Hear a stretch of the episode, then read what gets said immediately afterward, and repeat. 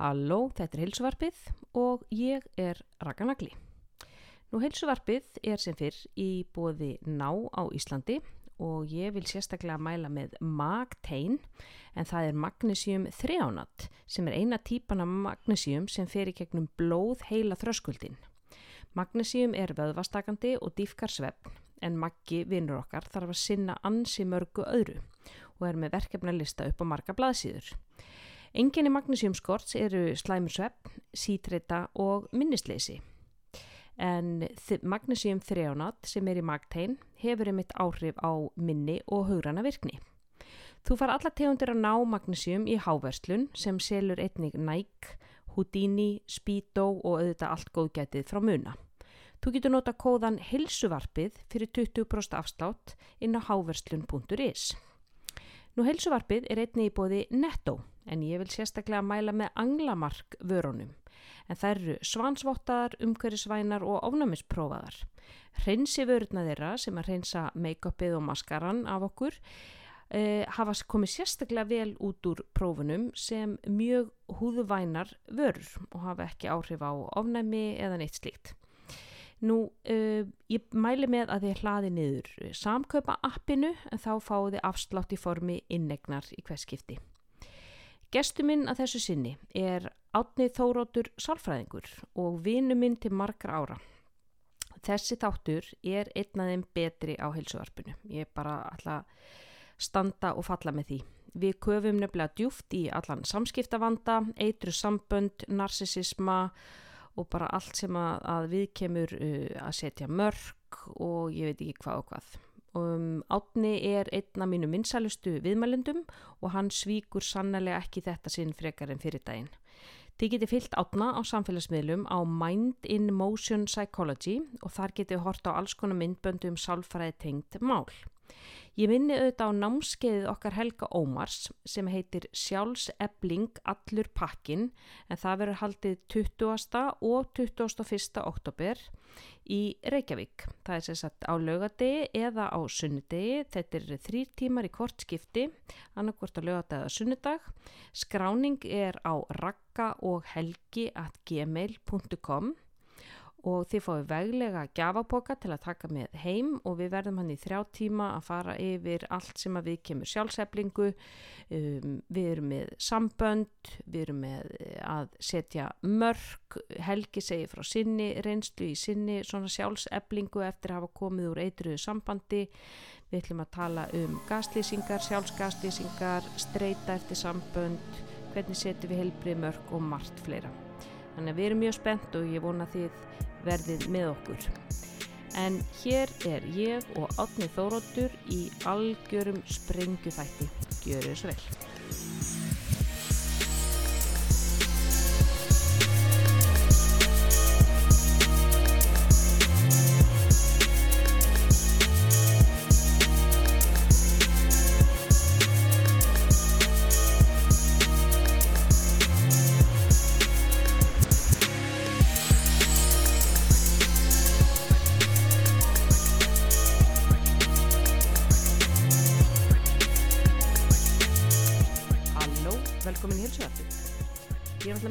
Vinsalasta gesti minn hjá mér.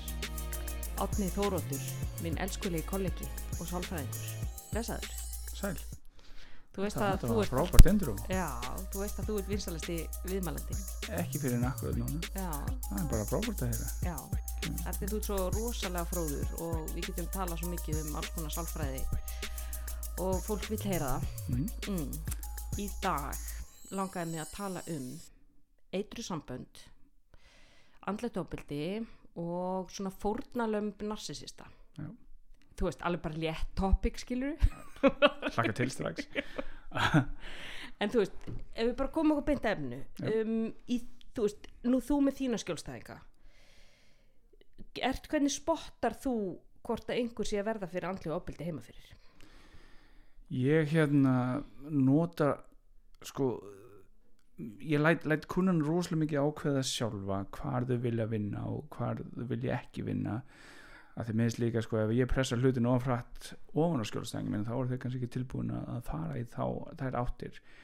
Ég hérna er líka rosa hrifin að nota bara hérna þessi hvað er þetta, hérna greiningar hugtök, mm, kvíða, streitu, þunglindi einhverfu, ég meina ADHD, eh, OCD, PTSD mm, og líka persónleika uh, struktúrarna eða, eða hérna uh, hérna tröflarinnar eins og mm -hmm. allan áður fyrr. Og ég nota það mjög hratt. Ég er bara mjög fljótur að grípa þessi hugtök að því að mér, fyrir mér er þetta hérna svo góð því Mm. við vitum að, að þetta er orðin það þetta er orðin þess að nota svo víða þessi hugtök að, ég þarf ekki að vita skilgrunum, ég þarf ekki að vita hvort þessi greiningar bærð hérna vandamál, það er bara við vitum í hvað, í hvað hópi þessi vandamál er. Mhm, mhm, og þannig að, þannig að ef að viðkomandi hefur einhvers konar grun um að það sé einhvers konar narsisismi þá gengur bara út frá þessi narsisismi ok, og svo verður bara að vinna með það mm Mhm. það býr til ákveðin, fyrir mér allan ákveðin hópa af vandamálum sem að, sem að eh, og, og, og núna segjum við líka hópa af vandamálum sem við verðum að vinna með og hjálpa viðkomandi að, að vinna með. Og svo erum við alltaf náttúrulega sérstaklega í nýri tíð verið að tala um greiningu ekki sem svona cut-off menn meira eitthvað sem allir eru á einhvers konar rófi Já, já, já. að, að narsisísk hegðun er eitthvað sem að flestir geta svona fundið hjá sjálfum sér Mhm. en, en hvena nærum því marki að að vera orðin eitrað sambandi eða orðin skadalega eða farin að hérna, valda virkilega um sásöka mhm, þess vegna held ég að það sé mjög auðvelt að nota hugtæki, nota vandamála hérna hópin mhm, og vinna með þau þegar maður getur hérna unni með vandamál sem geta átt hérna, grunn í narsisisma en eru kannski ekki svo illa eða svo slæm að, að, að maður sé komin út í, út í hérna, mikinn sásöka en það er samt hægt að yfirfæra hérna, hvernig maður tekst á við það. Mm, og hvernig maður verð sér fyrir því. Einmitt, einmitt. Og það er nefnilega, einmitt, hvernig maður ver sér fyrir því. Og það finnst mér vera rosa mikilvægt í, þú veist, minni vinnu gagvart mínu skjólstæðingu sem að, veist, yfirleitt eru konur mm.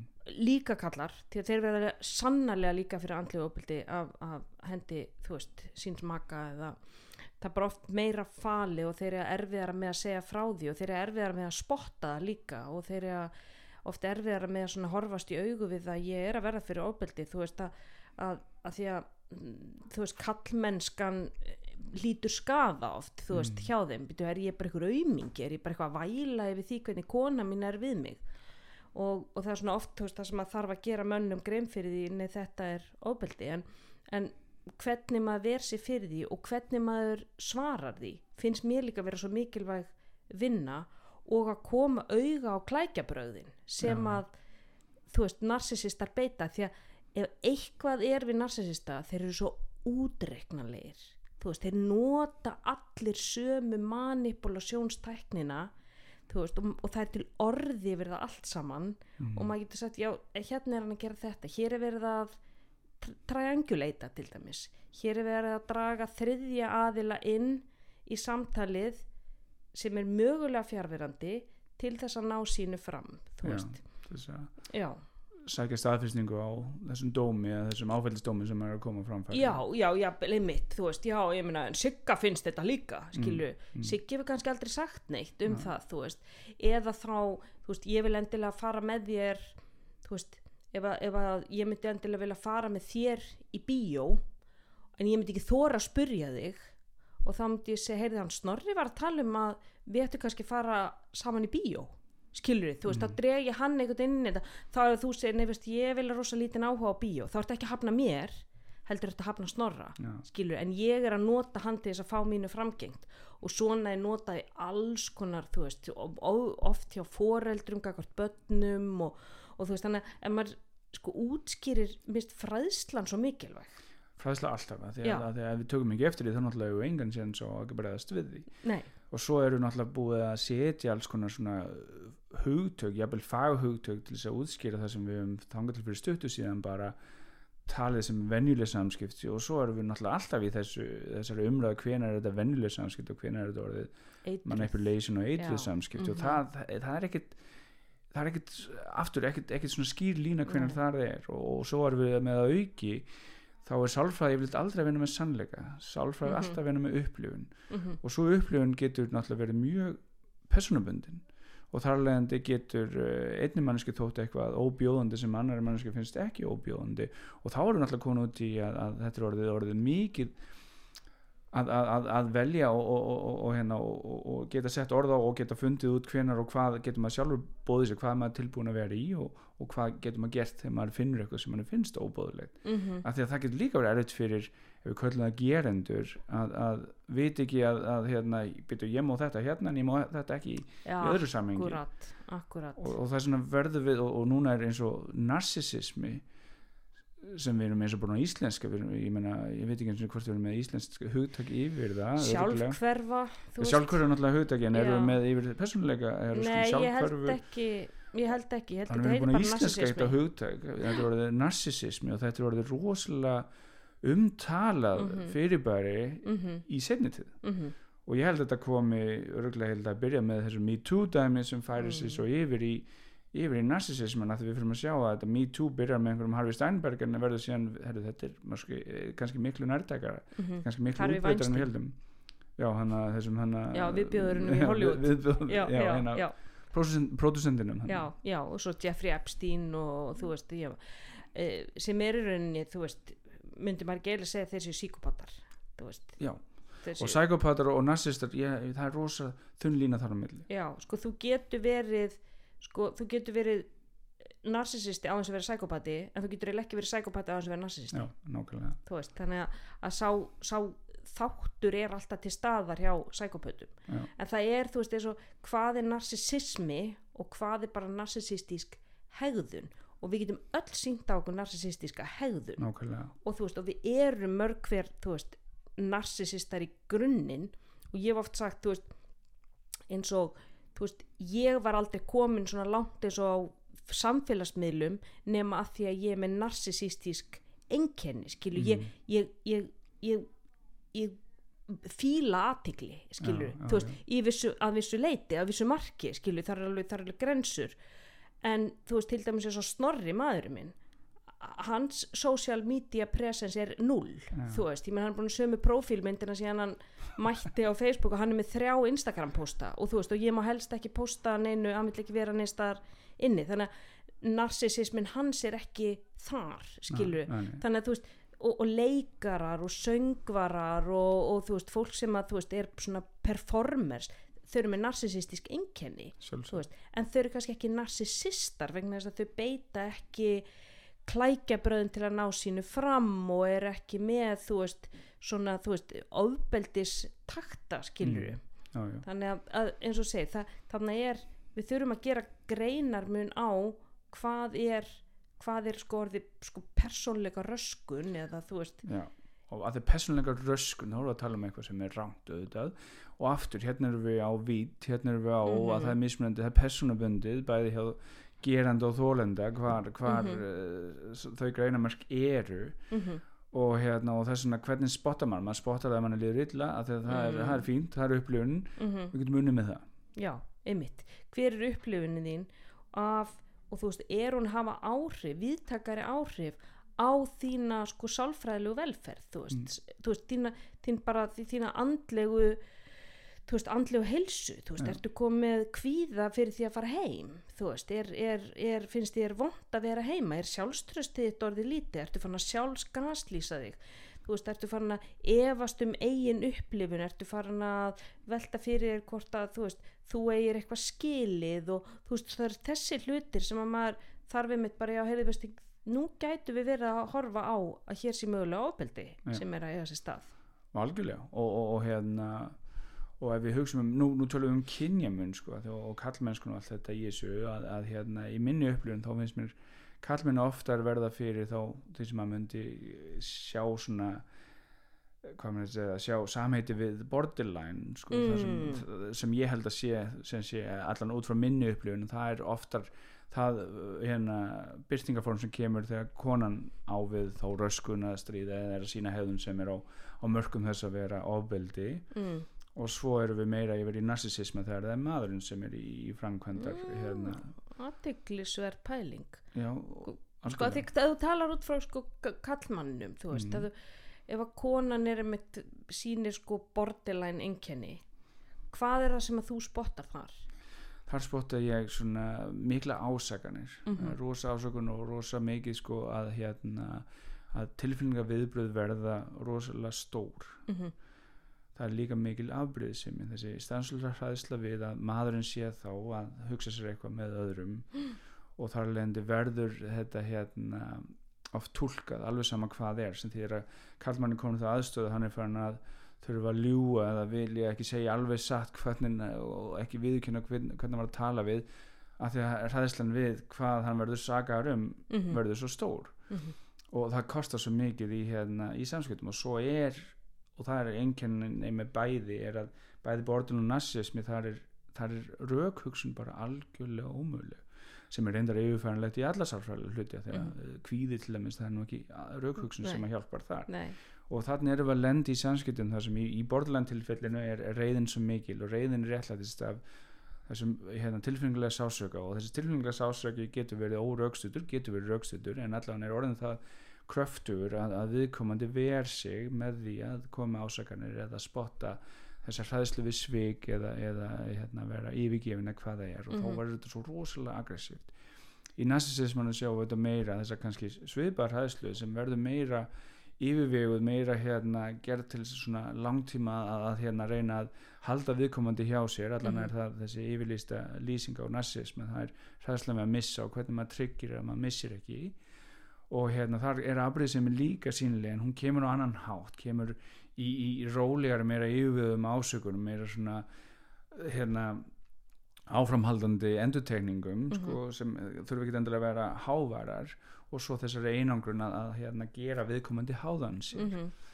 og hérna og svo getur við sagt í báðum tilfellum er náttúrulega er þetta nánast stanslaust og viðkomandi þessi sem er að verðu fyrir þessu hefur enga möguleika að verja sig fyrir þessu að við notum alltaf, við notum alltaf raukhugsun Mhm. við notum staðrendir, við notum hérna tímasetning, við notum sjáðu þetta og við, við bendum á hvernig hluti en þegar viðkomandi er í tilfinningulegu uppnámi eða verður fyrir áhrifum og er í þessari sjálfsbjargar, þetta er náttúrulega sjálfsbjargar viðbrað Mm. þá nær raukhugsunin ekki inn og þar setur fólk oft rosalega fast að þess sá sem er, er þólandi er Mm. að reyna að fá viðkomandi til að skilja sá sem er gerandi getur ekki skilið að þegar viðkomandi er í ákveðin tilfengilegu sjálfsvarnar viðbræði og þar leiðandi ónæmur fyrir raukhugsun og þarna finnst mér ég til dæmis þurfa yfirleitt að hjálpa mínum konum mest að ég mæti konunum sem yfirleitt eru, eru þólendur, ekki Mhm. gerendur Mhm. og þar eru hérna þólendurinn ég verð alltaf að útskýra fyrir þeim þú getur ekki nota raukhugsun þú Nei. getur ekki bent á san, hérna sangirni þú getur ekki bent á á samvisku uh, spurningar eða etík eða, eða siðferði það er engin aðgangur í gegn Mhm. og því fyrir sem maður átt að segja því því fer maður, maður, maður að geta vopna sér rétt fyrir þessu Mhm. Það er sko svolítið sem heitir Don't Go Deep. Og það er sko D-E-E-P og það er eiginlega svona það svona svo vörd sem að virka best gagvart narsisisma, gagvart svona andli ofbeldi. Og það er þú veist, D stendur don't defend þú veist, eða don't deny. Ekki verja þig, ekki neita neinu. Don't engage ekki sko láta ná þér í einhvers konar samtal eða rökræður eða rifrildi þú veist, ekki fara inn í inn í þetta, þú veist, ekki láta soga þig inn. Og svo er don't get emotional, það er hitt eið ekki leifa tilfinninga heilanum að ráða að koma yfir. Og P stendur fyrir don't personalize. Ekki taka svo persónlega, þetta er ekki persónlegt því eins og segir sko því að narsisismi í grunninn er þetta fólk með sko okku litla sjálfsmynd. Hún er svo lítil og sjálfströstið er svo brotið vegna þess að þetta er svo brotnar sálir þú veist, það, það er að því að narsisismi hann þróast þú verður að hafa einhvern skonar gena þátt þú veist, það verður að vera einhver sem er með narsisisma annarkort foreldri sem er með narsisisma þú veist, þannig að það er innihaldið. Þannig að við erum að horfa á þetta eins og við séum að baka köku það er hveiti og mjólkin og allt það síðan þá þartu rétt hitast í opninum og það er umhverfið. Og þá þartu að upplifa einhvers konar svona skort á stjórn. Og það getur verið til dæmis eða kemur tráma ef að fóreldra skilja eða þú veist hafnað af fóreldri eða einelti eða eitthvað stað þar sem að þú hefur ekki stjórn á aðstæðanum svo getur við farið í hináttina þar sem að barninu er hampað klappað óeðlilega mikið því rósað óeðlilega mikið. Og þá kemur svona þessi hugmynd ég er betri en allir aðrir þú veist. Og það er líka ákveðin skortur og stjórn því að það, það virðist vera alveg sama hvort ég fæ 5 eða 10 í prófi, mér er samt rósað það er alveg sama hvort að ég stend mig vel í fótboltanum eða illa, mér er samt rósað þannig ég hef ekki stjórn heldur þannig að þetta eru yfirleitt mjög brotnar sálir Já. og þess vegna kemur þessi mikla afbrýðsimi, þessi hræðsla við höfnun eða vera skilin eftir og þú veist þannig að, að þetta er yfirleitt ekki persónulegt þú veist. Þessi rifrildi og þetta, þetta reyna að ná einhverjum inn það er ekki persónulegt, þannig að don't go deep. Mm. það er svona besta ráðið eins og þú segir. Það er bara blokkering þú kemur ekkit það er bara einhver markmaður hana sem ver alla boltana frá þér þú veist. Að því að framheilin er bara eitt staðar. Já, já. Og núna, mér finnst þetta áhugavert að því ég hef svo sem ekki pælt í því sem uh, tap á stjórn þetta með og Mm. mikla viðurkenningu, það er mjög áhugavert. Og það held ég kannski geti verið annað, annað dæmi þar sem er kannski þetta með að að hérna maður lærir aldrei að gera mistök og, og við, það er nefnilega eitt sem ég teki eftir sjálfum mér til dæmis er að ég er rosalega góður í að forðast mistök og það ger ég með því annarkvæmt að forðast hlutina eða gera bara hluti sem ég veit að ég er góður í. Og þetta býr til þetta viðheldur ákveðin hræðslu við að gera mistök.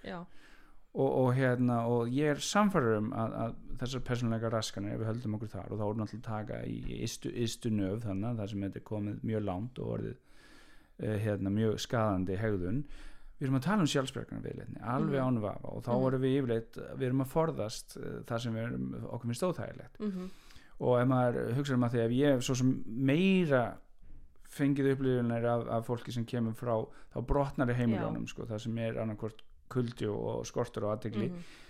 stundum áfengi eða, eða Mm. neysla og svo þessi hérna kannski reyfrildi og, ofbeldi eða Mhm. hvort sem það er að verða vitni til eða verða fyrir sjálfur en það sem gerir þetta að, að röskun og gerir þetta að svona personuleika hérna þetta er náttúrulega þróast inn í personuleikan ég þóra ekki að tala svo mikið um genetíska þáttina þegar það er svo rosalega erfitt að aðgreina genetíska þáttin og svo, svo félagsmótunar sem á sér staða þegar ef að viðkomandi eitt annað fóreldri er með personleikaröskun þá náttúrulega býra til ákveð umhverfi sem er mm við, hérna, börnin eru alveg upp við. Akkurat og þess vegna verður rosalega erfitt að skilgrina á milli hvað er og, og þess vegna gerum við bara ráð fyrir sé alltaf ákveðin genetísku hérna, uh, viðkvæmni og svo eru þetta personleika þátturinn, eða nei hérna umhverfis þátturinn sem er svo, Umhverfisþátturinn, er svo dominant. Og ég held mér nánast yngungu við hérna umhverfis þátturinn mm Mhm. þar finnst mér ég hafa möguleika að hafa áhrif. En allan ef við förum tilbaka í badnið sem nú er orðið fullorðið og er komið personleika röskun þá erum við að tala um mjög líklega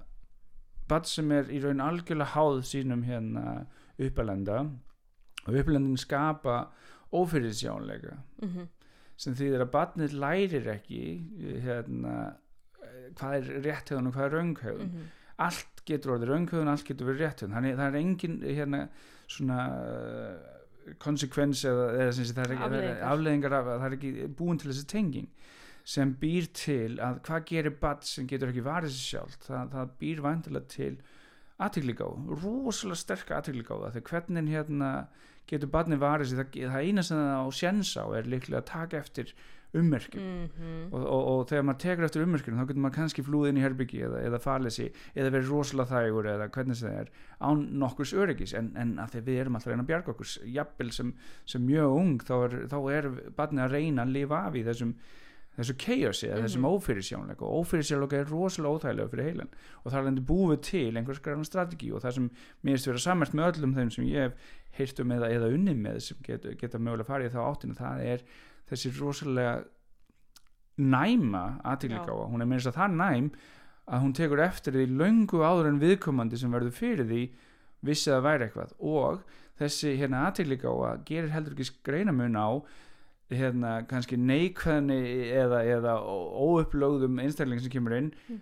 sem er út af einhverju sem gerist utan heimilisins eða, eða beinist gagn, gagn þessum sem, sem er þá gerandi í þessu Mhm. tilfelli og það er svona heilin er hann er mjög einfallega til þess að gera bara ráð fyrir því vestu ef hann, ef hann þarf að velja til Mm. tvekja möguleika þá er alltaf gert ráð fyrir þetta síða vest Mhm. þannig, þannig að heilin er alltaf í að staðfesta sjálfan sig með þessari ofþjálfuðu aðtegli gáfu Mm. tekur eftir ummerkjum uh, hérna, skiptingu í skapferðli mm, aðtegli gáfu, gleði eða hvernig sem það er þú tekur eftir því þú bregst við því með hérna hræðslu eða, eða hérna, heyrðu, þetta, er, þetta er órögt og, og þá í, í, í, með þeim tilgangi að, að fjalla hættuna já, og þetta gerir svo hratt og, þetta get, og þess vegna fyrir, fyrir þólanda getur þetta verið rosalega ófyrir sjálfand líka af því að þú varst kannski óbláður og vissir það ekki.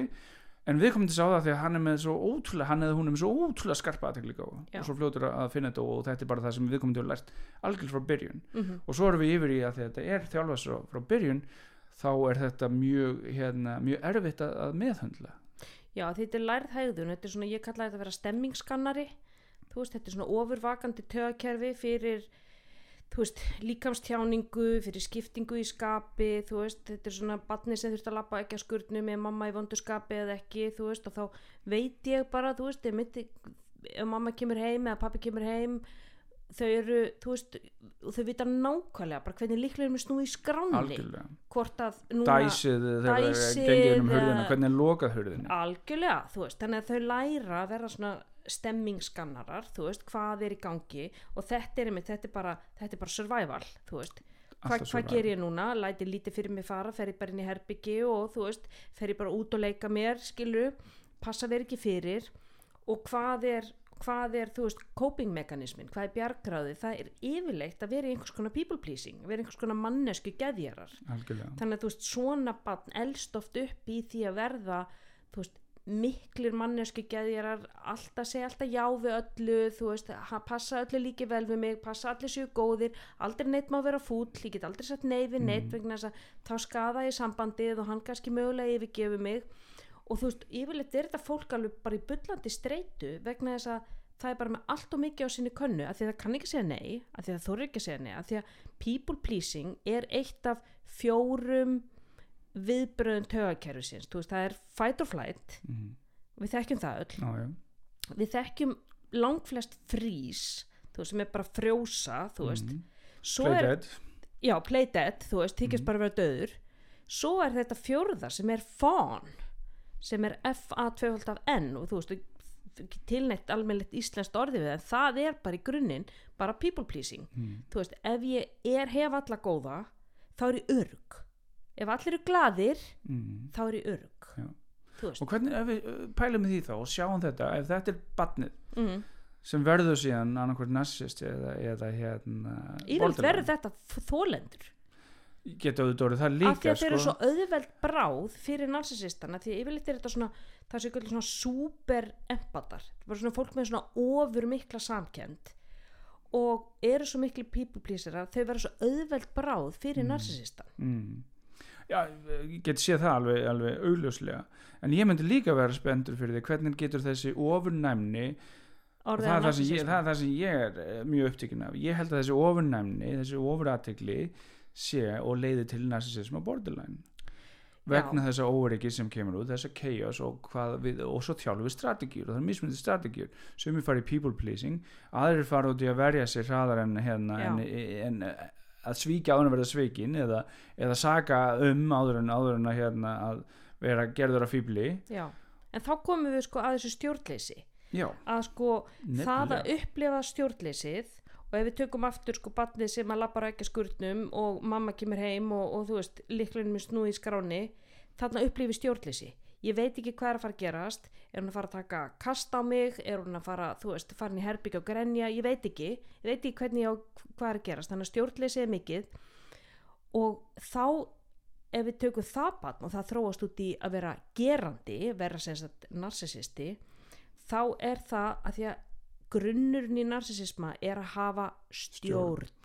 Sem er viðbröðið stjórnleysi. Sem er eðlilegt viðbræði viðbragð við stjórnleysi. stjórnleysi. Og ef ég hef stjórn á öllu Mm. og öllum þá er ég örugur þannig að þú veist, ef við fyrir mig hináttina þar sem þú verður gerandi, þá er það þitt viðbræð nákvæmlega. Og það gerist bæði í narsisismanum með þessari yfirstjórn, í borderline yfirleitt með þessu hérna kröftu viðbröðum já, við, og, og hræðslu við, við svartkvötu viðbröðum og við, eh, hræðslu við að vera svikin og þar alveg endi tryggja að maður spotti svikin áður en, áður en það hefur mjög alvarlegar afleggingar mm að því einmitt í borderline er það ekki rétt hjá mér.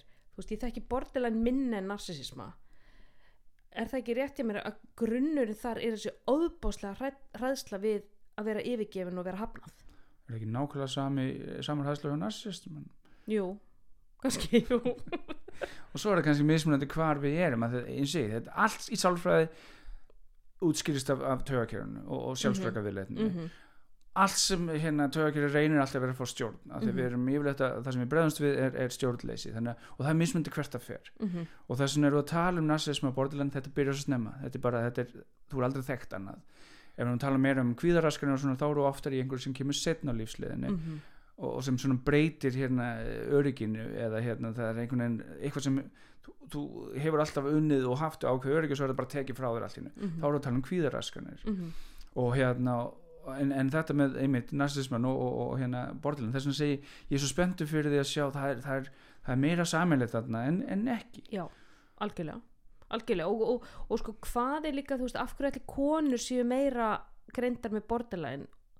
Vegna þess að sko er, er hegðunin þannig að sko hún er meira kvenlæg skilur við þú veist eru kannski kalla líka borderline en þeir bara þeirra hegðun er öðruvísi og hún er kannski flokkast meira undir svona aggressívari þú veist og þeir séu líklega til að fá narsisista sko stimpilinn. Það finnst mjög leiklegt Já. finnst mjög leiklegt því ég gruna að það sé einhvers konar líkamsburðir eða, eða geta til þess að verja sjálfum sig. Að ég, ég gerir ráð fyrir því að við þjálfum strategíur. Þegar við erum að hérna, eða viðbröð, við þjálfum viðbröð við óörygginu. Mhm. og það viðbröð er síðan það sem var svo mikilvægt á þeim tíma sem við þurftum á þess að halda. Og yfirleitt eru þau vandamál sem ég er að vinna með í dag eru hérna, viðbröð við óryggi sem hérna við tók, voru, voru mjög nöðsleg áður en eru núna ennþá til staðar mm en ekki að hjálpa eins og hjálpa þar og jafnvel kannski eðilegja. -hmm. Þetta get ég sagt um alla konuna mín. Mm Og þá vorum við að tala um í, í narsismu og borderline akkur velst út og þá getur farið í allt hver, hvar sem við endum við erum, við, eitthvað velst úr stundum Mhm. getur verið tilviljun sem veldur því en oft getur það verið burðir eða möguleikar á að, Mm. að verja sjálfan sig -hmm. og við þjálfum eitthvað sem virkar Mm og það Mm. velst úr -hmm. Það er alveg rétt. Og ég meina eins og segir sko, þú veist kallmenn er náttúrulega kannski beita í mitt frekar svona líka með þú veist þeir geta tala herra þú veist þeir geta öskar geta kannski lami veggi og það er meira ógnandi hegðun heldur en sko konan beitir. Og ég meina þegar við erum að tala um ofbeldi af hendi kvenna þá er það þú veist það er svona þessi covert narsisisti þú veist sem að er svona svona fórnarlamb þú veist það er verið að beita rosalega miklu svona tilfinningastjórnun og fílustjórnun og þagnabindindi og þú veist farin í herbyggi þú veist fjarlæga sig úr aðstæðanum skilju að því það munur á því að sko fara úr aðstæðanum þar sem að þú ert bara það eru yfir þyrmandi og þú þarf bara smá space eða þá er ég að fara aðstæðanum og loka minni í herbyggi til þess að fá, ná okkur fram já, já. til þess að fá einhverja stjórn þú veist og þetta tventir það er oft sem að þú veist konur eru bara ok er ég að beita einhverju fílustjórnun hérna því ég þurft að fara úr aðstæðanum Mm. eða, þú veist, og, og kalla líka og þá þarf maður ofta að útskýra munin þú veist, Já, hver er tilgangur með hegðuninni er það til þess að þú náður að sapna saman kröftunum þínum og koma með rétt viðbragð þú veist, eða er þetta vegna þess að þú ert að reyna einhver klækjabröð til þess að ná einhvers konar kontról. Og þarna getum við verið að tala um aftur upplifun. Mm -hmm. af því að það fyrir eftir hvernig móttekan ef þú ert inn á heimili og þú kemur og dregur þig í land að þú ert að að hvíla þig fyrir, að það getur samt verið tólkað sem hérna fílustjórnun Já. eða einhvers konar af því að viðkomandi sem er heima og, og hérna og, og lendir í því eða hvað maður segja og ef viðkomandi er þreyttur eða óöflaður eða kannski með viðvarandi óöryggi sem, sem er ansi stert það getur þessi hegðun upplifast mjög neikvæð meðan hérna aðlinn sem var heima tekur á móti svo er vel upplaður þekkir sína konu eða sinn mann og, og Mhm. hérna sér þetta bara sem hörðu þetta, þetta, þetta er bara fínt, Mhm. taktu þína pásu. Mhm. og þetta er svo, þetta er svo, þetta er svo rosalega hérna, einfalt en svo flókið þetta er svo margir þættir sem geta haft áhrif þó þau séu einfaldir þættir. Einmitt, maður þarf ofta að skoða þú veist, hvert á samhengið og svona fá narratífuna, fá söguna. En þú veist, það sem er erfitt fyrir okkur í okkar starfi er að við fáum alltaf bara, þú veist, einhliða frásögn, yfirleitt, skilur nema sem að vinna, veist, með parið Mm. saman og fáum hvora hlið fyrir sig. En það er náttúrulega líka bara þeirra upplifuna því að þú veist, svo er bara það sem raunverulega gerðist og það getur enginn farið inn í það. En þú veist, yfirleitt erum við að vinna bara með skjólstæðingin yfirleitt sem er þólandin Já, og hann hefur sína við fáum borderline finnst mér að það eru þá oftar Mhm. konur sem finnst uh, vera erfitt að þeim finnst tilfinningarnar eru svo óþægilegar þannig að ég mæti oft borderline sem vilja vinna með borderline af Já. því að þeim finnst það óþægilegt og, og finnst oft lettir að finna, koma staði að þessi borderline já, fá einhvern stimpil á Já, þessi en þar hefur kannski verið meira sýnilegt stjórnleysi það verður Mhm. oft meira kannski ákafari viðbróð þar lendi er miklu öðru að spotta það heldur en kannski eins og narcissismen sem, og í, sé- sérstaklega því að narcissisti á oft mjög erfitt með að sjá að vandamáli liggi hjá þeim. Algjörlega nánast aldrei sko. Og það er náttúrulega sko eins og þú veist, ef við tölum aftur um skamstafanir þá er til dæmis klækja bara sem er skamstafa Darvo. Þú veist, D-A-R-V-O og á ensku er, er það, þú veist, ef að þú, þú konfrontar narsisista með eitthvað að þá beitir hann þessu yfirleitt alltaf að því að í hans augum er, hann gerir aldrei neitt ránt, þú veist, ergo narsisisti skilu, hann er hann, hans hegðun er alltaf réttlætanleg og það sem þau gera er að, að þú veist, D stendur náttúrulega fyrir deny, alltaf neita Mhm. þú veist, Nákvæmlega. og A er attack, ráðast á Mhm. og svo kemur RVF O og það er reverse victim offender þannig að þú neytar ef að, ef að þú veist ef að ég kem heim og í þú veist fymta skipti í vikunni ég byrð snorrum að taka úr auðvitaðdölni umgjör snorri, þú veist, alltaf notaður sem eitthvað dæmi að, að þetta er svo hann er svo fjarrið því að vera þú veist, bara, já, en allavega segjum það, ég, ég kem heim og í fymta skipti í vikunni ég, ég baðan um að taka úr auðvitaðdölni og það er ekki bókið það og það sem ég veist það snarri, ég, ég bara ég, er búin að byggja þig um þetta innan margsinnis að taka úr auðvitaðdölni að ef að hann væri narcissisti þá myndi hann bregðast við með Darvo e, þú baðst mig ekki að taka auðvitaðdölni Deny. þetta er alltaf svona þegar þú kemur heim ég veit ekkit hverju ég má bara eiga von á ég er bara orðin hérna að koma með bullandi kvíða þegar þú kemur heim og vinni Mm. sér hvað hann gerði þetta rætt Já, já. Hann neitaði, reðst á mig og hann var orðin fórnalambið Já. og ég var orðin gerandin og þetta er ofta sem að gerist í þessum samböndum er að sko fólk heldur oft að það sé narsisistinn vegna þess að þú veist, það er oft sko þú veist, að spyr mann getur verið að ég sé narsisisti Já, hvað er ég að sjá? já, þú veist, að því að þá er sko yfirvarpið frá gerandanum orðið þannig að þú veist að, því að gerandi gerir sig alltaf að einhverju fórnalambi í þessu darfó. Og þegar maður hjálpa fólki að sjá þetta munstur, þú veist að þá er svona bara já já hann gerir, hún gerir Mm, þetta mm. alltaf. Já. þú veist. Og, Og ef það er alltaf, þá erum við að tala örugglega um narcissisma, en hins vegar ef maður pælir í akkurat þessari hegðun þá er þetta líka rosalega hverstashegðun svona þegar maður er illa upplagður. Já, það er það. Þannig að hérna erum við komin í aftur á vít og hvenær er þetta orðið skadaleg hegðun Já. og, og það lítur þá að vera að þetta sé alltaf svona eða, eða nánast alltaf. Og það er eiginlega það sem maður þarf að skoða svona eins og þú veist hver eru, veist, hver eru sönnunagögnin í málinu? Mm. er, erum við að tala um narsisisma erum við að tala um ofbeldi? Það er ef þetta er stöðugt yfir langan tíma í mismunandi aðstæðum. Já. þú veist, einmitt er að því að við getum öll brúðist svona við ef það er ytri streytuvaldur þú veist, ef að, einmitt, það var mikið ekkir í vinnunni, þú veist, krakkarnir voru með læti, þú veist, ég er illa sofin, þú veist mamma er lasin skilu, þú veist, það eru ykkur margir streytuvaldar og þá bregðust við við með narsisistískum hætti sem er kannski grípa í reyði eða, Mm. þú veist, pyrring og, og ráðast svona um og notum sjálfdarfó Já. en ef að það gerist bara þegar það er ytri streituvaldar en þegar allt er í góðu að við gerum það ekki en hins vegar ef þetta er yfir langan tíma í mörgum mismunandi aðstæðum alveg saman hvort sé streita eða ekki streita eða ytri, þú veist þá erum við að horfa já hér er mögulega eitthvað munstur.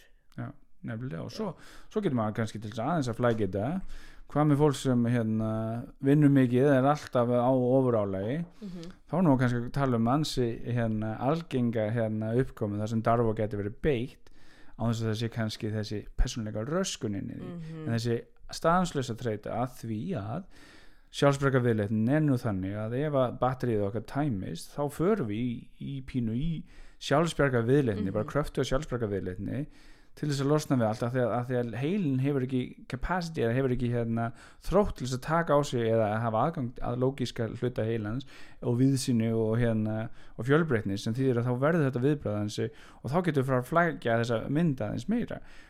Heitir það, heitir það þá eh, narcissismi eða heitir það streyta eða hver, og hvað á maður að, að leggja inn sko. mm en það sem ég finnst mjög mikilvægt er að narcissismin sér þetta aldrei sjálfur nei. sem vandamálið, vildi aldrei, myndi aldrei taka það á sig. Mm -mm. á mjög erfitt ef nokkuð tíman að byggðast afsökunar.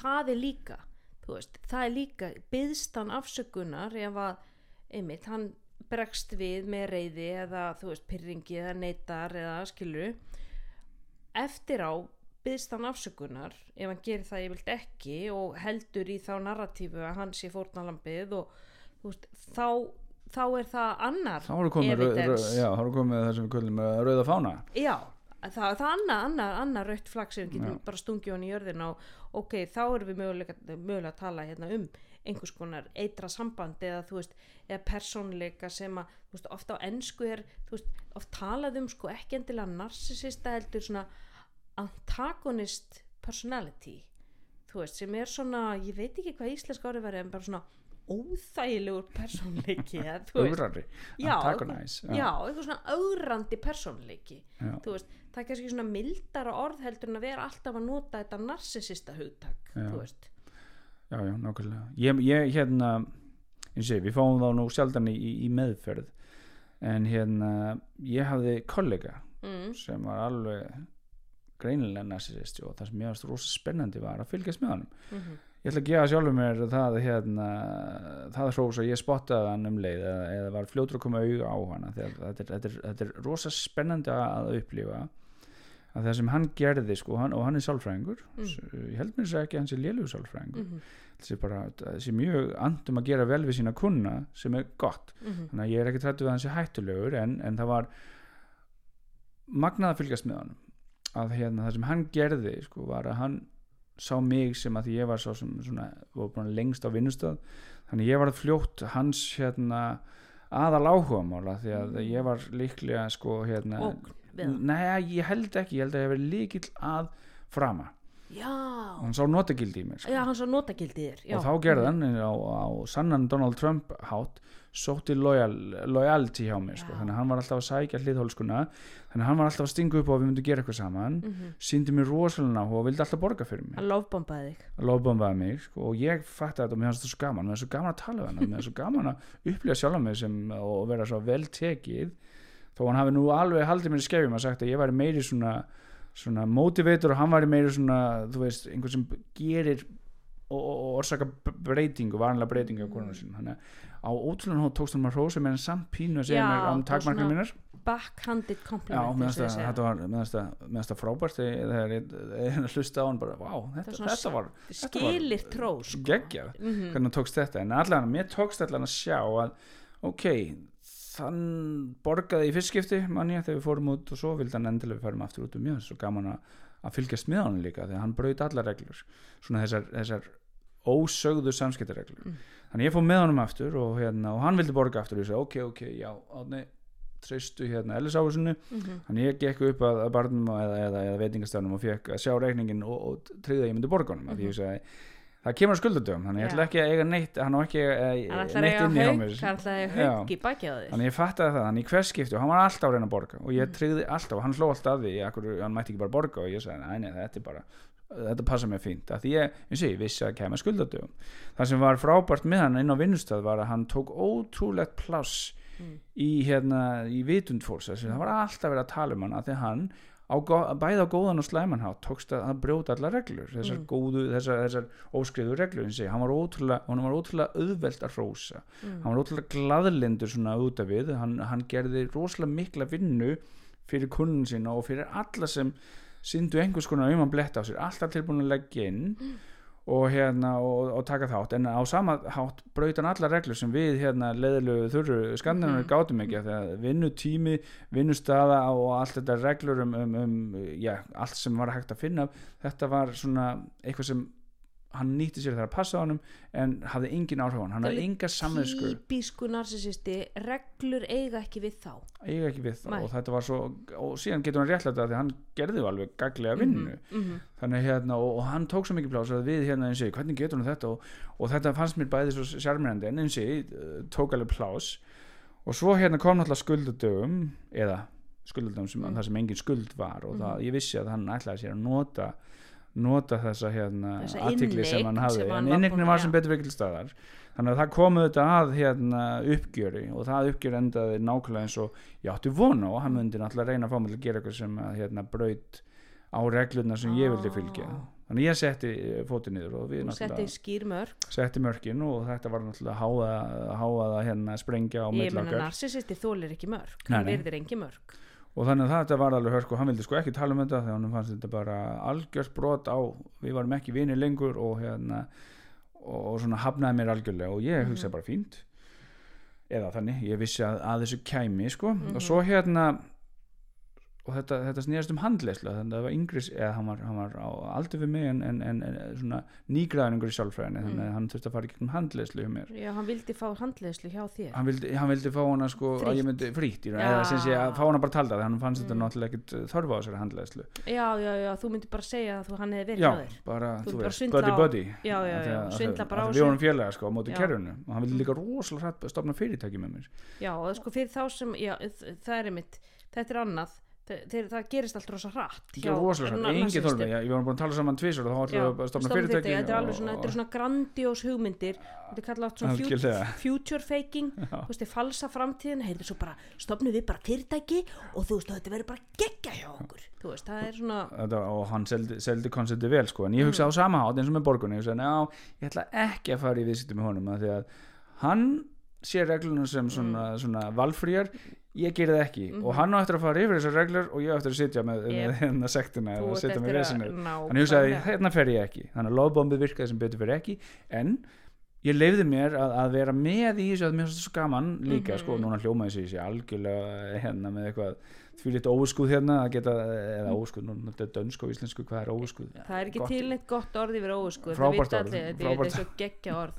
Þetta er bara svona innistæða eða eitthvað ég já, veit ekki, ég hafði allan að fannst mér ég geta séð í hvað stemdi leifa mér að- vera að fara með að því mér fannst ég aldrei missa sko, að leifa mér að fara inn í það á fullu Já, og hann kontrólaði þér aldrei hann Nei, hann náði stjórnaði því þér ekki aldrei, sem betur fyrr Mhm. og svo hérna tek ég hann af allri, allri hérna, handleðslu að því að honum fannst þetta nú gagslaust svo mætir hann bara á fundinu sem ég er búin að taka í burstu eins og ekkert sé. Ó, og ég hugsaði bara þetta er magnað. Því ég sitt með svona ennþá með svona ja. eftirkaust eftir yfirvildi og Já. vildi nú bara helst bara held að okkar samskiptum væri bara lokið. En nei nei, eins og ekkert sé. Og haga sér á besta mögulega máta. Ég bara hugsaði bara Jöfull er þetta magnað, hann er bara hérna og hann bara tekur þátt og hann var búin að nýbúin að drulli yfir hvað þetta var gaglaust og væri bara eitthvað fell í kerfinu að vera Já. með svona handleyslu svo mætir hann bara þarna og bara topp nemi. eins og ekkert hefði gerst. Og er og baðst ekki eins og afsökunar fyrir Ekki nei, neitt, nei, sko. nei. Svo hérna spyrja hann á svona þriðja skiptið við mætum segja, herðu, já, núna mætir þú hérna og ég veit hvað þið finnst um þetta og, og, og hérna, við erum búin að eiga í okkar hérna útistöðum um þetta og hvað, er þetta bara alltaf lægi fyrir þig? Mm. Já, ég reyndi bara að fá minn vilja, nú tapaði ég þannig ég vil bara halda áfram og ég bara, þetta er Vá. magnað, hvernig getur þetta? Ég vildi óska þess að ég geti Já. farið svo hratt áfram í, í mínu, en mínu þú sér sko það er engin yðrun engin það er en, engin auðmíkt það er engin eftirsjá, þetta er alveg svona klassísku narsisisti, þú veist, hann reyndan á kontróli við þér, hann náði því ekki, þú setti mörg, þeir fyrir alltaf vanvirða öll mörg þannig að þá, sko, það, það er bara haldið áfram og þú veist, þetta er það sem gerist í rifrildum heima fyrir, það er aldrei beðist afsökunar, þú veist, hvort sem að það er foreldri gagart batni maki, sískinni þú veist, það er aldrei beðist afsökunar við bara höldum áfram. Mm. en eftir setur þú, þú veist, sem þólandi með allar tilfinningarnar þú veist, sár svektur, niðurlæður hvað sem er, en hinn heldur bara áfram með lífið eins og ekkert og Og það er þrýfst bara- á, á, á, á erjanum og, og manni finnst bara magnað bara, hvað er sálin í þér? Er hún svört? nákvæmlega, þetta var svona algjörlega að geta haldið árum sem ekkert sé og ég hugsaði bara, mér fannst þetta að vera bara mér finnst þetta að vera kjánulegt leikrit sem Mm. við vorum í. Hann virtist ekki láta þetta pyrra sig, þetta var alveg magna nei, og svo náttúrulega kemur að því hann ætla nú að reyna aftur að fá mig til að skrifa undir. Mm. og þá byrjar hann aftur að bjóða mér að, út Að að að bæði aftur. lópa mig en sko hann þannig er hann eiginlega sko hann nota það sem er kallað svona húvering þú veist, hann er að reyna að ryksuða því tilbaka sko, þú veist, að því lofbáming er svona í upphafi þú veist, svo kemur einhver sprengja þú veist, þetta er svona eins og í samböndu þetta er svona það sem er kallað svona traumabonding já, þú veist, að það kemur því, þú veist, ef við tökum bara ykkar samband hann lofbambaði í fyrstu mm, þú veist, svo reynir hann á stjórn yfir þér þú setur mörg, hann brjálast það verður sprengja, það verður rifrildi svo kemur á eftir kemur svona honeymoon period og þá reynir hann að ryksuga því tilbaka já. með nýju lofbáming já, já, Mm. nákvæmlega segja hvað ég var, við erum að endur, endur kenda og, og svona Já. þú veist og fannst svo gaman að tala um að byrja að hlæja hann hláði, hló dáðar eða, eða svona meiri innlugun en nokkur sem ég hef nokkur hann upplifað Mm. þessi ótrúlega og hérna innlugun og þáttaka í þessum ára taka þannig að þarna var, prófa hann það aftur mm -hmm. og svo hérna ég vil hann fá mig til að skrifa undir pappir og, og segir að þetta sé einhver miskilingur í, í hérna í talningunni hjá mér Mhm. og ég segi svo sem já við að hitta hann sko, en, en síðan hugsa ég að ég verði að, að segja hann að ég sé ekki fara að skrifa undir þessa papíra Mhm. Þannig ég hérna skrifa til hans um það að, hérna, ég vil alveg hitta hann en, en hérna ég, ég sé nú líklega ekki að fara að skrifa undir þessa papíra þegar Mm. samkvæmt mínu talið þá sé hann búin að fá það undirskrifa sem hann á, á skilið og þá þá kanselaði mig, þá, þá fekk ég bara síðasta kanselið sko. Að þá aflýst hann náttúrulega uh, hérna, hérna veitingastæða heimsókninu og sagði að, að hérna, já, við getum líklega ekki verið vinnir og hérna og það, uh, svo sem ekkert, ekkert, uh, ekkert sem komur óvart þannig séð en svo fann ég það að, að, að því að hann var ennþá og ég fannst bara með það svo óþægilegt að vera í hans návist Mhm. og hafa eitthvað, að vera ennþá svona, hvað maður að segja á milli hans og það sem hann langaði að, að ná Mhm. þannig ég fann það að, að ok, það er fínt, ég setti mörg núna en ef hann heldur áfram að vilja sækja eitthvað hjá mér þá veit ég ekki hvað hann er tilbúin að fara langt Mm. Og ég veit bara að hann er tilbúin að fara lengra en ég og ef ég er ekki tilbúin að fara jafn langt á hann þá get ég ekki farið innan barða að ég, Mm. ég á alltaf eftir að tapa hann Mhm. þannig ég vann úr því þá að bara tryggja að hann hefði ekkert að sækja hjá mér ég og sem betur verið að passa þetta við þann tíma sem ég var að hætta þannig á vinnustæðanum þannig ég tryggði að ég væri ekkert með hann í handlauslu eftir á eða neitt eða hefði, hann hefði eitthvað að sækja hjá mér mm Mhm. ég hugsaði bara, ég, ég get ekki að ég á alltaf eftir að tapa Já, sko þarna líka hvað gerir er að gerast baki tjöldin að því að þú veist, eins og ég sagði narsisist eru svo útreiknarlegir þarna hefur hann mögulega farið í rægingarherferð um þig inn á vinnustanum Mm. þú veist að tala illa um þig. Hann er að reyna að fá fólk í lið með sér algjörlega, gegn potið, ég þér. hef nú ekkert heyrt af því en, en, en Nei, mjög líklega. en mjög líklega. Já. og svo koma þú veist eh, fljúandi abatnir sem eru þá sko hans hliðhollu sérst, fólki sem hann er búin að sapna í lið og það fer jafnvel að tala við þig um hann er nú góðu gaur og getur ekki gert Mm. þetta fyrir hann og skilur þú veist þannig að þetta eru, þetta eru líka klækjabröð sem eru notuð og það er svo gott að heyra svona sögu frá þér vegna sem þetta þetta varpa svo góðu ljósi á hvernig narsisistar virka og þú veist hann hann er svo útreknalegur, þú veist að hann lóbomba þig, hann húverar þig þú veist, hann reyna að ná stjórnaðir hann reyna að ná innegn hjá þér, þú veist, hann brýtur allar reglur, þú veist, og hvað er hann svo að gera einmitt á baku tjöldin, þú veist þegar þú ert ekki nálægt hann er meina rosa presens, þú veist sem er einmitt, þeir eru alltaf með rosa presens og þeir eru með rosa Alveg. sjarma ótrúlega Já. ég fór með að hugsa um það ef, ef, að það gerendur oft kallar fór ég að hugsa og, og þá þólendur oft konur ég fór að hugsa greiði konundar henni í Skandinavi sem þurfa að, alltaf að berjast með uh,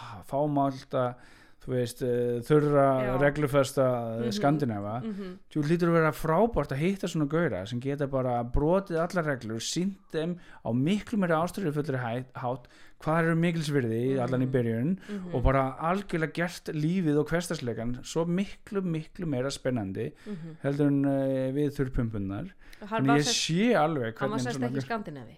Jú, hann var skandinavi. Ok, en við erum að tala um Já. þessi standard Já, skandinavi já, en uh, skandinavi með þá narsisism því að hann er ekki bundin af sömu hérna takmörkunum eins og þessi Nei. klassíski skandinavi sem er alltaf að hrættu við að gera mistök eða Einmitt. með sandlitið eða þessi típiski reglufasti veist, ferkantaði skandinavi Já. sem að við þekkjum Já.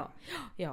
En þú veist, það er einmitt máli að því að veist, oft kemur þetta svona mörgum á óvart býta, ha, var, var hann eða hún að beita ofbeldi en hún er alltaf svo næs og huguleg og, Já, veist, og, og gerir þetta ekstra það lítur út eins og þið séu svo veist það er enginn sem að, veist, lemu konuna sína á bílastæðin í kringlunni, veist, það gerist heima, þetta Sjálfsögðu ekki. gerist allt bak við luktar dyr, Já. en það eru oft rauð flögg sem að fólk getur séð kannski á almannafæri og það er til dæmis að vera svona vera, þú veist, niðurlega viðkomandi, þú veist, kannski undir einhver svona djók þú veist, og þá Mhm. kemur alltaf gaslýs ekki, æ, come on, það var nú bara djók, þú veist, rosa þetta viðkvæm eða viðkvæmur. Og það er oft líka konurnar, þú veist, það eru svona skjóta á Já, já, kallana. já, já, þú veist og svo kannski segja þeir eru veist að ég, mér fannst þetta nú bara óþarfiðin í matabóðinu að þú varst að hérna rifja þessa sögu upp eða tala um þetta. Æ dísas, má ekki að segja þú veist, meira snjókotnið veist, og þá fara þeir að efast býta ok, er ég svona mikið snjókott að ég þólið þetta ekki, en þannig er svona þessi kóvert narsisismi sem að kemur frá konum, já, já. og pottet hjá köllum Og líka alveg hjá körlum líka. og hérna en, en það, sem, það sem eins og segir þetta, þetta lovebombing eða þessi sjarmi þetta er náttúrulega svo ótrúlega f- frískandi mm og svo náttúrulega er því miður að um leið og er búið að ná viðkomandi í neti þá náttúrulega lokar þetta svolítið þá er eða, þetta eða búið sko. lokar bara algjörlega þá er komið út í nú er komið inn í neti og þá þarf að halda. Nú, þá tekur hræðislan við. Já, hræðislan við að því að meðan, meðan viðkomandi ekki er fangaður þá náttúrulega er mikið lagt í vinnuna að fanga viðkomandi. Mhm. og núna tala ég ekki um að fanga ég er að samfæra um að við, viðkomandi er ekki að hugsa um að fanga. Viðkomandi er í raun að heitlast einhver eða sér hægi einhver eða hvað er og er að sækja í að fá það á móti. En um leið og það er, það er eh, búið að takast þá náttúrulega komið eitthvað sem er orðin hræðislega við að missa. Einmitt. Nú er, þetta, nú er ég búin að tryggja nú er ég hrættu við að missa. Já. og þá, og þá kemur fer- þetta neikvæð þá kemur neikvað Já. og þá erum við að tala um og það er þessum sem við erum að tala um þessa hræðslu, þetta, þetta stjórnleysi. Og þá eh, bregðust við náttúrulega við með stjórn. Já, já, já, og- og, og, og reyna stjórna og, og þú veist, lovebombing verður síðan að þessari ríksugun sem að kemur oft í kjölfarið af einhvers konar sprengju mm. þú veist að, að það verður rifrildi og, og, og síðan kemur þú veist tímabil og eftir sem að þú veist þetta honeymoon eða ég kalla oft svona blóm og kransar þar sem ég þarf að sko í þessum gerandin þarf að ryggsuga hinn tilbaka Já, því já. að mögulega er þú veist okkur nú er mér nóg bóði nú er ég bara farin úr þessu sambandi þetta er, þú veist, þetta er orðið bara ég get ekki búið við þetta lengur og þá er farið í nýtt lovebombing en að því Mm. þú ert búin að ná viðkomandi að þá ertu bara að ná honum inn aftur og þess vegna þetta kalla svona húvering eða Já, já. og að þetta gerist og þú veist ég reyna að útskýra það allt fyrir mínu skjólstæðingum þetta heitir ryggsugun vegna þess að þetta gerist svo hratt ánum Já. veist af er bara, já.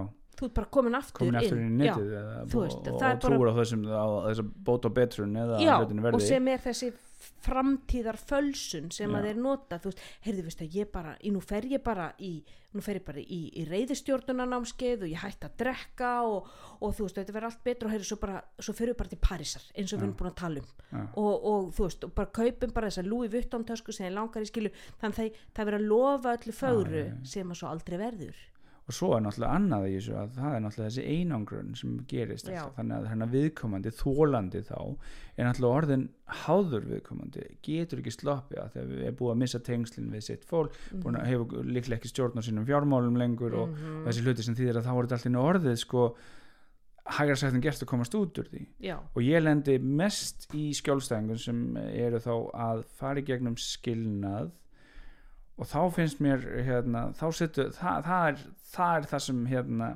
kannski er það sorglegast í þessu öllu er að þá er fólk að segja um skilnað og ef það á börn saman þá er viðkomandi fastur já, í sambandinu með öllum þeim klækjum og, og hérna vandræðum sem koma þegar um leið og þú ert farin að sækja skilnað eða sækja í að komast út úr sambandinu þá ert náttúrulega farin að svíkja þá ert farin að brjóta þetta loyalty Mm. eða hliðholskuna sem er það mikilvægasta í svona og þar leðandi ertu þegar þú ert að svíkja þá ertu náttúrulega búin að gera þá stæðstu sinn sem finnst í, í þessum heimi og þar leðandi áttu ekkert gott skili sem Mhm. þýðir að, að, að gerandin í þessu tilfelli hefur þá í raun réttlætingu á að beita öllum bröðum já, að því að þú ert búin að brjóta þá heilu eina Mm. regla þú, þú, þú svíkur ekki þinn mann eða þú Mhm. sýnir, sýnir hliðölsku mhm, og því miður í, í svona, þá sér maður þetta það er svona, ef ég kalla tálmun eða, eða Já. svona, svona, já, vegtálmun þar sem er verið að stanslust að setja upp og, og gera hlutina erfiða og heila þvó heila þvó börnin um það að sko fóreldrið sé ómögulegt og, og já, nákvæmlega, já. fá, fá, þá fá þau í sitt lið kemur já, rægingarherferðin mhm, og svo er það sem ég lendi svo eftir í er, er þessari, þessu, þessu tvö tungumál sem eru töluð að, að hérna heit ég skjólsteng sem er þólandi og er alltaf að reyna að vera sveigjanleg og reyna að fá viðkoman til að sjá hei, við getum alveg unnið saman en fá aldrei neitt á móti fá Mhm. engan sveigjanleg á móti fá bara reglur og, og, vandamál og það er alveg sama. Þú, og það er nefnilega góð, þú getur aldrei lagt inn í bankan mhm, hjá narsistin þó að narsistin sé rosalega duglega að leggja í bankan hjá þér. Mhm, en þú getur ekki lagt inn í bankan hjá honum að því að honum finnst hann á engan hátt skuldbundin að- hérna borga neitt tilbaka eða, eða að, að, að gera neitt á móti því að Mm. þetta er bara réttlætanlegt að þetta er það sem hann á þá skilið mhm. og sérstaklega ef að þú gerst svo að kræfa að, að svíkja viðkomandi svíkja hliðhólskuna já, já, það, og þá er hann búin að missa sko stjórn og það er náttúrulega þá kemur þetta svona fullorðins sko frekjukast Já. þú veist, þegar taka svona, svona fullorðins tantrum bara Já, að þú ert núna búin að þú ert búin að svíkja sáttmálan og þú ert ekki lengur undir minni stjórn. Og það sem að sko knýr narsisistan áfram er alltaf það sem kallað er svona fjúl þú veist, eða fóður. Mm. þú veist, og hvernig fóðrast þeir? Þeir geta fóðrast á jákvæðu fóðuri sem er rósið, Hrósið, þú veist. Já, þú ert svo duglur í vinnunni og svo smart klættur og já. þú veist, allt þetta og svo góð pappi, þú veist, allt þetta jákvæða. En þeir þrýfast líka á neikvæða já, já, á þessum átökunum sko. átökunum og þeir, veist, þeir, þeir koma með svona, veist, þeir henda út veiðistöng og aðtöku Mm. hvort þú býtir á agnið, skilu og það er þeir vilja fara í rifrildi við þig, þú veist, koma kannski heim þreyttur úr vinnunni var, þú veist, mikið gangi ég þarf veginn að fá útrás.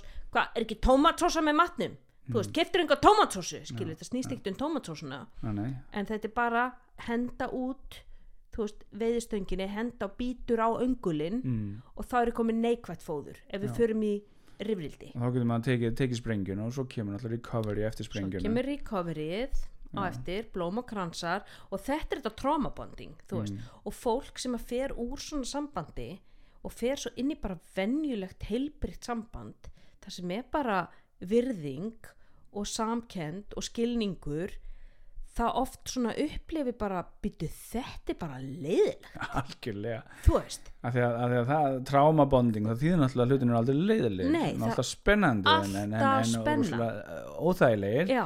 En það er samt algjörlega þetta er, þetta er mjög, og það ruggla saman leiðindum við öryggi. Já, þú veist, nei, þetta er eðlilegt samband.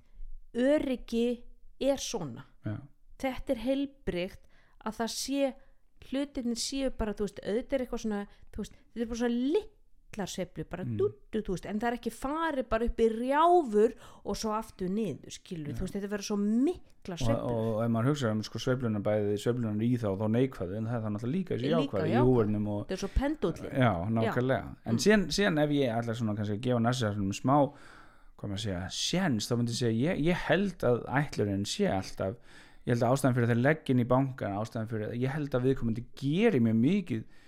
Allan að er ætlun að gera mjög mikið og, og þeir upplifa örgulega að þeir séu að gefa mjög mikið til síns maka eða til sí- barnanna sinna eða hvernig sem er að að það sem að sér til að mis í hérna að, já, það, það er ástæðan fyrir að svikin eða, eða, hérna, eða hlýðholsku hérna brotið verður svo djúft særandi fyrir er því að viðkomendur eru búin að gera helling í, í, í hérna einangrunastöfnu sinni þá eru þeir líka að taka yfir hluti en þau eru líka að sjá um sinn manga sko upp á ákveðnu marki mm í þeirra heimi allavega. Einmitt, og svo sér maður náttúrulega hjá foreldrum er að þeir eru rosa góði foreldrar meðan börnin, þangar til börnin verður það hérna táningar og veit ekki mótstöða, þá kemur hlýðhólskan aftur og þá er hérna narsisistinn í, í foreldra hlutverkinu að auðvitað reyna að halda viðkomandi hjá sér en líka búa til og eru kannski topp foreldrar Mhm. og gefa mjög mikið en núna eru þau búin að leggja inn Mhm. og þá náttúrulega þóla þau í barninu jafn illa Já. að þau séu að svíkja hlýðhólskuna og ekki borga tilbaka það sem búið að leggja inn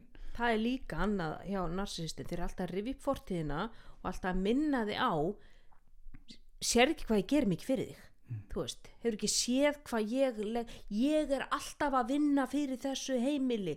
Hvar myndi þú hafa pening til þess að kaupa allt skilu, þú veist, það er alltaf að vera að minna þig á þú átt inni hjá mér. Þú veist, þannig að þú getur ekki farið að svíkja mig að farið í burtu. Já, og ef þú talaður um einangurina að það er náttúrulega sko hræðilegasta verkfæri það er þessi, það er þessi sko eh, þú veist að vera eitra samband þólandans við við sitt, sitt- sitt net- fólk. já, sitt fólk að því að sko því færri sem er í þínu neti sem þólandi því færri geta spottað mína eitruðu hegðun sem gerandi já, ef, að gerandin sér þetta sem heitir að höfun einmitt, þetta getur líka verið að viðkomandi er ógnun við í raun eh, Algjörlega. tímið við, Já. við liðið sko. Þar lendi verður að fjá, verður einhvern veginn að tryggja að, að viðkomandi þá eigin kona eða, eða börn sé á hans í hans Já, liði, ekki í, í, í liði hinna. Að því að sko stjórnin hvernig hef ég besta stjórn? Það er ef ég get alltaf fylst með þér og veit hvað þú ert. Því færri vini sem þú átt því minna ferðu út. Mm. að því að þú ert ég einhvers ekki staðar á djamminu þá er ég ekki með stjórn á þér. Þannig að þú ert ekki Nákvæmlega. vini þá fer ekki út á djammið, Já. ergo þú ert alltaf heima þannig að það, og það er að að þá er ég lengið til að sjá er til þess að heyrðu, fyrir þetta er ekki, þetta er ekki lægi Mm. og það er heldur ekki sko stuðningsneti til að grípa þig þegar þú síðan ákveður að fara og það er bara að meðaltali reyna konur að fara og menn líka 7-8 sinnum út úr svona sambandi. Þá að loksins text. Já, já. og text, ef þau hafa börn þá það í raun ekki. Þá náttúrulega byrjar næsti, næsta, hérna, næsta lóta það er málið sko og það er þessi hraði líka sem gerist oft hjá narsistum að giftast gera sig ólétta eða gera hinn óléttan til þess að það er búin að gernegla já, þetta. nákvæmlega, já, til að tryggja sig. Já. Þetta var það, átnið þetta var besti þáttur sem ég hef gert. Ég er að segja það þetta var svo mikið negla. Það ég trúi ekki eftir heila vinnudag er þú bara, þú veist, ferskur í hausnum? Já, eða, já. Það er þetta, já, og það er kannski að þetta er verkefni sem er spennandi, þá fær maður já, second wind eins og það heitir. Það er nákvæmlega málið en bara takk fyrir að gefa þér tíma átni takk fyrir að bara, mér. með bara frábært. Eins og ég segi, þú ert alltaf, þú ert vinsalisti er en ég veit að þessi þáttur á eftir að slá í gegn. Ég vona það, yes.